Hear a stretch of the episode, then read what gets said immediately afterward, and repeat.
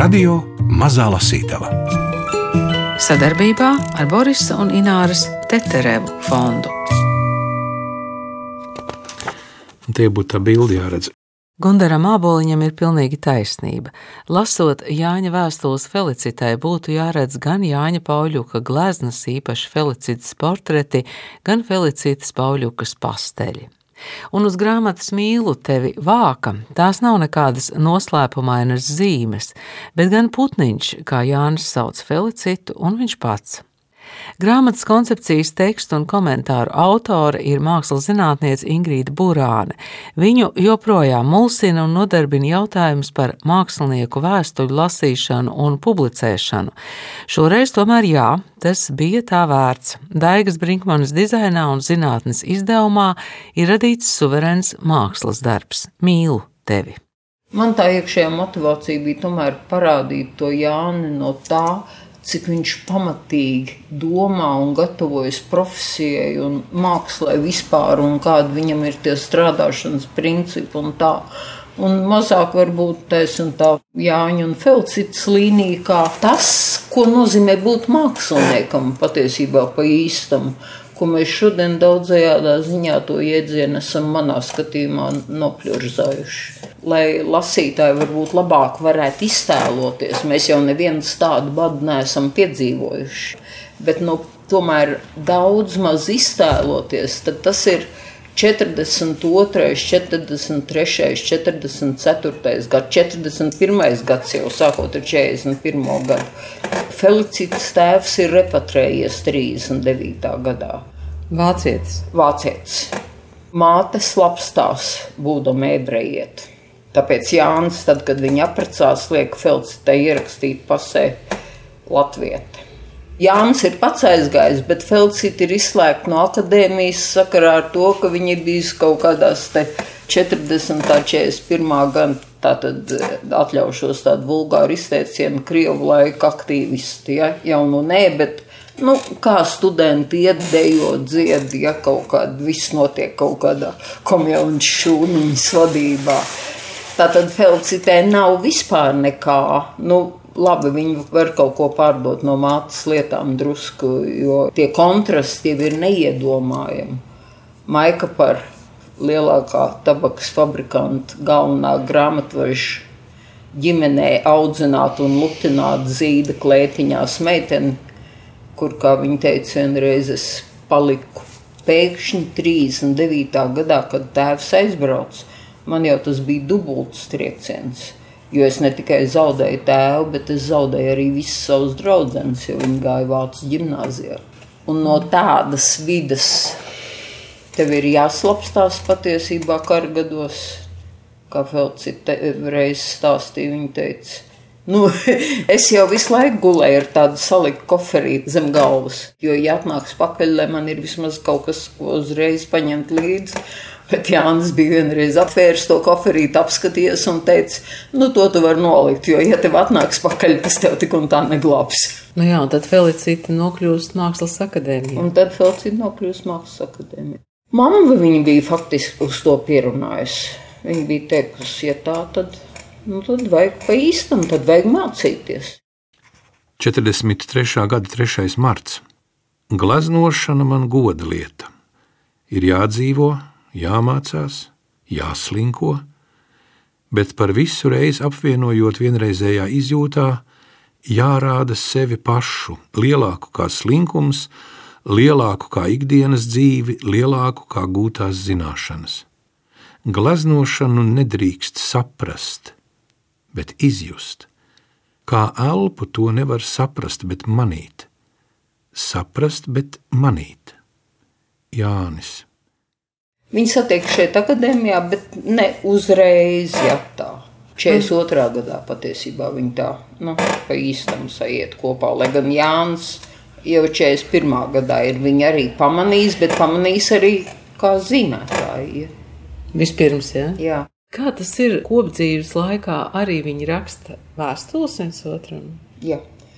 Viņi dzīvo atsevišķi. Viņi dzīvo kopā, atsevišķi un kopā, nu visādi, jo tur ir dažādas tās adreses un tās maiņas un, un kamēr Jānis dabūja to Šarlotas ielas dzīvokli. Nu, tur ir diezgan sarežģīta tā situācija, jo tur ir vēl viena sieviete pa vidu. Bet nu, tas ir tāds parasts. Diezgan brīvs tāds attiecību veids, ne tikai viņiem vienraksturīgs. Jo, ja cilvēks iet, teiksim, pieredzes astoņos, iet uz darbnīcu, kā lielākā daļa mākslinieku, tad viņš saviem mājiniekiem, kur vēl guļ, atstāja zīmīt. Nu, mm -hmm. tad, tas man tā nepārsteidz, ka tā saraksts ir. Bez tam es domāju arī, ka tā emocionālā temperatūra ir cita. Ja? Nu, vairāk lietišķi. Ja? Jā, viņi ir vairāk lietišķi. Viens, bet otrs arī, kad to, ko tu gribi pateikt, tev tūlīt ir jāuzraksta, jo tu jau ej tālāk. Tā ir savās domās, ja kaut kas cits ir darāms un svarīgāks. Un, tādiem radošiem cilvēkiem vienmēr kaut kas cits ir svarīgāks nekā tā bieži zupja. Bet Felicita bija visas tās vēstules glabājusi. Jā, tā ir viņas mama. Nu, tāds liels vīriešu egoisms arī ja, visā tajā. Jā, tur nāk ārā. Jā, Kristis teica, es gan neredzu to lielo mīlestību, par kur jūs runājat. Es teicu, nu, tas ir savādāk drusku. Ja. Es domāju, ka tur ir jāņem vērā tas, ka tā 20 gadu starpība, ka viņš jūtas tomēr atbildīgs par viņu. Tā kā tā Felix tiešām ir dzīvē, pilnīgi nesagatavot, viņam visu laiku liekas, ka viņam viņa jāmācās. Ja? Bet, mm -hmm. nu, protams, ka viņš to dara tik tā, kā mēs varbūt šodien zinot, teiksim, tādu, ka tā sievietes loma vispār ir mainījusies pilnīgi salīdzinot ar to pagājušā gadsimta sākuma gadiem, ja tad eh, dabiski, kad mēs šodien pilnīgi savādāk to lasām. Bet šo es jums gribēju Ingūru parādīt. Tas ir 43. gads. Nu, te jau var redzēt to. Tās ir viņa sāpes, ja, un viņš ir priekšplānā. Tā ir Felicita, ja, kurai vairs it kā nav sejas. Ja, un, un tā. Šis darbs man ļoti daudz par ko liek domāt, jo vēlāk jau tur vēstulēs arī viņš ļoti bieži ir rakstu, uzdedzina svecīti. Olivers palīdzēs. Ja, ja, nu. Glaznotā Jāņa Pauļuka vēstuļu labirintos māksliniecei Felicitai Pauļukai mūs pavada Ingrīda Burāne, lasa Gundars Sāboliņš. 9. februāris 51. gadā. Es ieaugu citos, viss manī ieiet un izaug, esmu zeme, un manī katrs kļūst dzīvība man jāsamierinās ar noteiktu stāvokli. Esmu dzīvība dzīvībām. Kādēļ iekārtots tā, ka daudziem cilvēkiem ir jāredz, bet nedrīkst paši baudīt?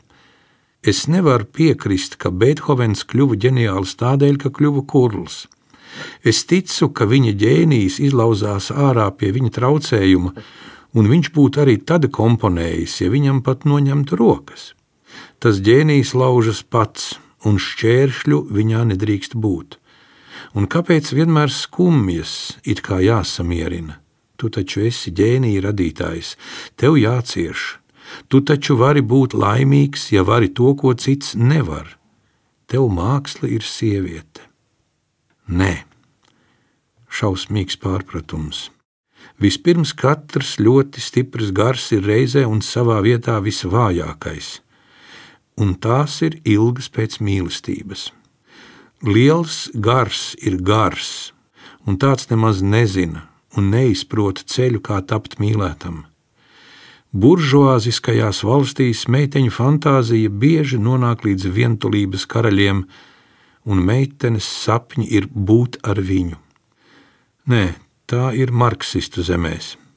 Marksisti cīņā iet ar visām nepieciešamām sadzīves prasībām, un viņu mīlestības forma veidota no praktiskā apstākļa. Kad es sēžu mazajā virtuvē un domāju, ka mani tu nemīlēji nekad, tad es tiešām sāpīgi saraujos. Tas, ka vientulība novada cilvēku pie slēdziena, katrā lietā nav pareizi. Vientulībā nenāk pie slēdziena bet vientulība samierina un tikai samierina. Savādi tikai tas, ka tie, kuri vientulībā dzīvo, ir plašāki domās, kur viņi ņem dzīvi, kā viņi zina dzīvi, ja viņiem tās nav. Šeit es saskatu lielu traģēdiju, kāda jāiznes vientuļam garam. Un vai tad kāds labprāt dzīvo grūtībās? Es nevaru būt laimīgs, ja pēc manis netiecas. Es jau pat kaķi apskaužu, cik tas ir pilns mīlestības, dodams savu čokurā mesto muguru glāstam. Kādēļ es neiegūstu tādu labsajūtu?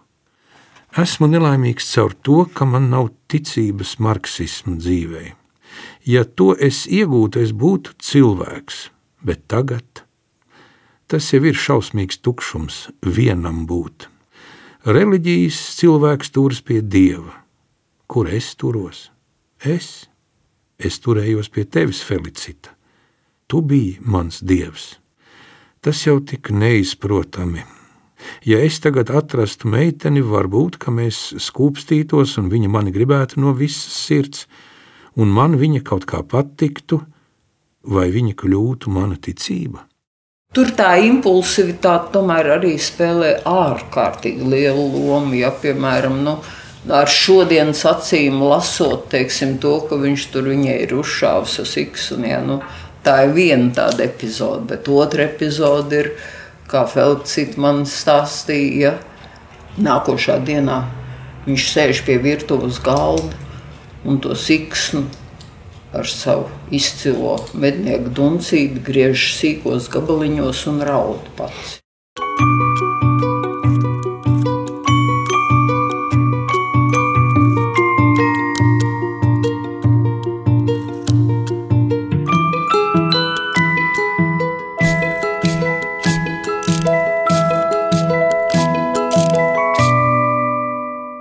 Turies, felcīt, ja vari mēģina lidot. Tas tomēr ir tā, ka Jānis jau ir aizgājis, bet Felicita joprojām katru rindiņu savāc. Bet viņa arī rakstīja? Nu, maz. Felicita nebija tad. Viņa pat, nu viņa vispār, tas arī varbūt, ka tas izriet no tādām jaunībā iestrādātām bailēm un no vispārējā. Viņa nekad neizplūda tādās liecībās, kas varētu palikt. Ja? Viņi bija ļoti atklāti un ļoti sirsnīgi, kad mēs sarunājāmies. Un daudzas lietas, nu tā ļoti tā, ja? kā jau tur turnītī varēja. Jā. Bet Felicita viņām bija tāds simbols, zināmā mērā, arī ne tikai dzīves sieviete. Es domāju, ka jā, varbūt. Bet tas ir tik ļoti cieši, Ingūna, tur ir daudz jautājumu, kurus es neņemtos komentēt. Ja? Bet es tā iekšēji es to sajūtu, ka viņa palika kā simbols viņam caur tiem daudzajiem felicitātes portretējumiem. Ja? Jo, lai kā mēs arī tagad neskatītos uz tiem Jāņa darbiem, uz Pauļuka darbiem, viņam tomēr tas ir viens no visspēcīgākajiem posmiem mm. viņa glezniecībā. Jā, viņš pēc tam taisa tos laimīgo bērnību, un, un jūrmālas, un meitenes un krāsainību. Bet tādā piesātinājuma ziņā, ja, tas ir tomēr, man vienmēr šis portrets, piemēram, tas ir 43. gads, man viņš vienmēr fascinēja.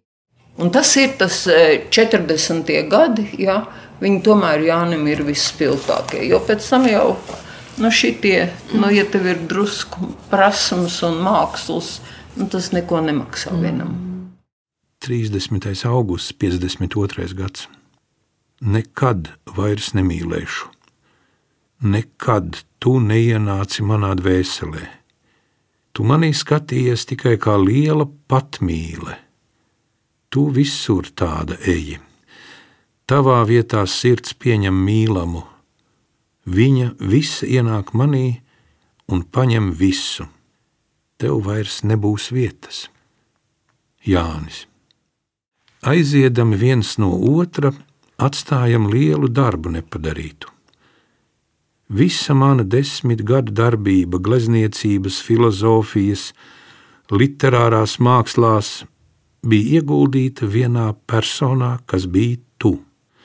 Tas lielais darbs, kāds veltīts vienai sievietei, ir pašā vērtīgākā darbības posmā sarauts uz visiem laikiem.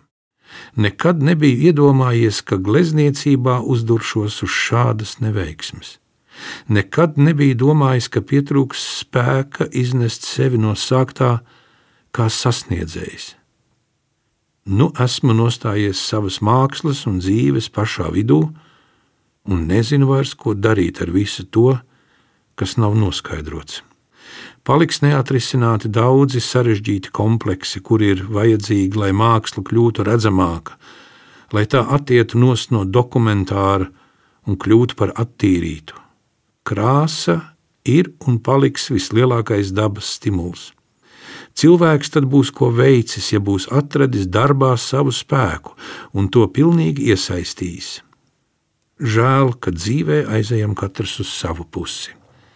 Tas liels zaudējums mākslai.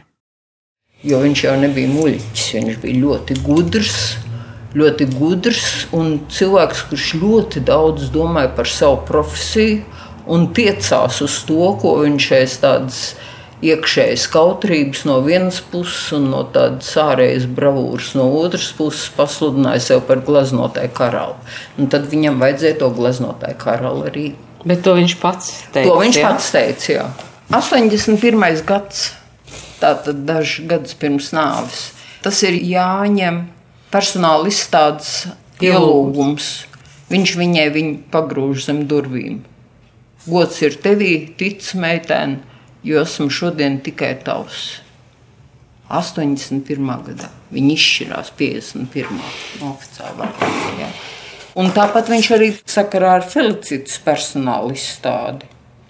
Varbūt tas nav pareizi, un varbūt es kļūdos, bet es domāju, ka tā savstarpējā cieņa, ka viņa nebalstās Ingvildu uz to, kas ir bijis, bet ka viņa balstās uz to profesiju ka viņi tomēr sasniedz tādu līmeni, kas katram nav iespējams mākslā.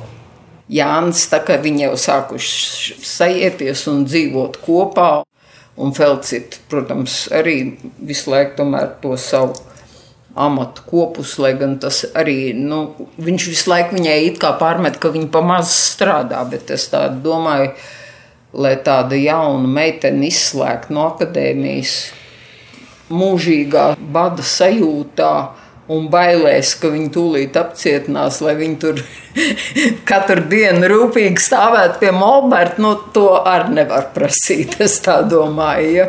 Bet tas Felicits tas stāstīns, ko es vienmēr atceros. Tas ļoti jauks, jo Jānis esot vienreiz tā paskatījies uz viņu un teicis, tu zini, viens un nulle ir desmit un tas ir baigais spēks. Bet es tā skatos, ka tu tā nulle nebūsi. Un es tomēr respektēju tādas lietas, ja, ka Felcits bija vērsts. Turklāt, kā viņa vienmēr teica, es esmu dubults vērsts. Viņai jau nu nekad negribējās, lai mazai meitenītei būtu nevienā situācijā. Kad viņai ir dzimšanas diena? Viņai ir 9. maija. Tad, kad viņš uzraksta, es esmu ar mieru tevi precēt. 43. gada 9. maija. Tā ir Felicitas Pauļukas dzimšanas diena. Ļoti īsa vēstulīte. Esmu ar mieru tevi precēt. Es. Nu, būtībā cik daudz var ielikt četros vārdos. Jāņa Pauļuka vēstules Felicitai lasa Gunārs Āboliņš, Ingrīda Burāne stāsta. Es domāju, ka viņš ļoti daudz iepozēja. Ļoti daudz. Kāpēc? Lūk, tas ir jautājums, uz kuru es neriskētu atbildēt. Bet nu, visa tā viņa stāvēšana pie čekas naktas vidū un kliekšana, ka mēs jūs nositīsim un, un visādi citādi. Ja. Ja, kuri tie ir gadi? Tie ir kaut kādi 60. gadi, piemēram. 50. gadi, kad viņš tiek nemitīgi slēgts ārā no Mākslinieku savienības un tad ņemts atpakaļ. Un, un visādi citādi. Ja? Nu, tas ir tāda, nu, vai tas ir tikai tāds temperamenta jautājums, ja tas ir tāda cilvēks, kurš pilnīgi maina savu identitāti ļoti tādā pat diezgan nežēlīgā veidā. To man savulaik stāstīja Edvards Kalniņš, ka tad, kad viņš bija ļoti labi situēts cilvēks ministrijā, augstos postiņos ar savu prasmi, kaligrāfisko un, un dažādiem mērniecības zīmējumiem. Tie jau tie ministrijas, viņu darba kolēģi bija tie, kas bija viņu pierunājuši iet uz to akadēmiju. Jo viņš pats bija, nu, viņš bija Frančs tajā laikā, un, un pēc viņa modes, pēc pauļu ģērbšanās stila noteica modi Rīgā. Tas ir 30. gadu. Tie ir 30. gadu otra puse. Mm -hmm. ja, un, tad viņš bija izdomājis, ka jāpaklaus laikam tiem kolēģiem, ir, ja jau tas ir tāds, nu tad, tad ar mācīsies. Bet nu, jāsagatavojas tam ir. Viņš aiziet 39. gadā pie Edvarda Kalniņa, kas ir savā slavas zenītā sakarā piešķirto Romas stipendiju un saka, vai mēs taču nebūtu mieri viņu pamācīt gleznot. Un kā viņš saka, jā, nu, kas te nav jau nekas. Es, es tagad pašlaik strādāju, stāviet blakus. Tur pie otra molberta un skatieties, ko es daru, kā es jaucu krāsas, kā es lieku viņus uz audeklu. Un vienā tādā reizē, kad viņi atkal tur tā strādā, bet to kā viņš ir teicis, un tas ir kaut kur tagad iefiksēts ka nu, nekas jau viņam tur no sākuma nav iznācis tādā kalniņa izpratnē. Un tad viņš ir pazudis uz mēnesi, atnācis. Un tad Kalniņš teica, o, tagad, jā, tagad mēs varam sākt. Jā. Viņš bija gājis to melno darbu, vienotnē izdarījis. Es tā pasmaidu, kad es iztēlojos to ainu, ka Pauļuks smalkos uzvalkos ar tauriņu stāv pie Molberta, un tad vienā reizē viņi Kauniņš pēkšņi paskatās pulkstenī un saka, tā, ai, nekā nav mājās, un tūlīt sešas veikals vērš ciet un noskrien lejā. Un nāk atpakaļ ar piena pudeli un vienā rokā un maizes klēpī padusē. Un tas pauļuks esot tādās neviltotās, tādās šausmās skaties uz viņu kreklā. Tiešām mēs ar jūs tāds izgājāt uz ielas. Bet nākošajā reizē Kalniņš smējās, nākošajā reizē viņš pats atnāca kreklā ar atrotītām piedurknēm. Nu, kas tas ir? Tas ir pilnīgi tu maini savu domāšanu, visus ieradumus. Visu. Es domāju, ka tas nav viegli un ka tas arī ir tas, kas viņam ļāva daudzas neprātības no tāda mūsdienu vienkārši cilvēku skatījumu, daudzas neprātības darīt, jo nu, kaut kas jau visu laiku iekšā deg. 1953. gada 12. martā Felicitai. Ja es mirstu, vai arī mani piemeklētu kāda nelaime vai nāve, atstāju savus darbus Felicitai. Darbi, kuri viņai ir tuvi, domāju, nevienam citam nevajadzēs. Varbūt kādreiz mākslā nāks pagriezieni, un varbūt tie darbi, kurus glaznojot es cietu badu un arī izmisumu, varēs uzturēt tūkstošus mākslinieku. Neticu, ka esmu atradis mākslā kādu ceļu, bet esmu pārliecināts, ka esmu nomaldījies un dzīvojis kā pa tumsu un bez ceļa.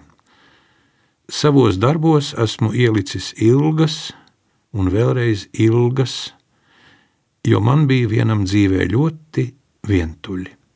Jānis Pauļuks.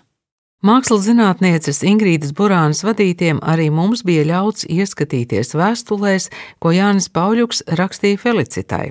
Gan tad, kad viņa vēl nebija viņa sieva, gan tad, kad bija, gan tad, kad tikai dažas dienas šajā pasaulē nodzīvojis, aizgāja viņa dēliņš Olivers, gan tad, kad Felicita vairs nebija Jāņa sieva, bet palika Pauļuka un visu mūžu glabāja Jāņa vēstules.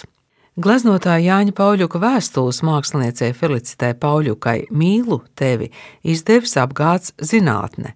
Lasīja Gundars Āboliņš ar Ingrīdu Burāni tikās Ingvilda Strautmane.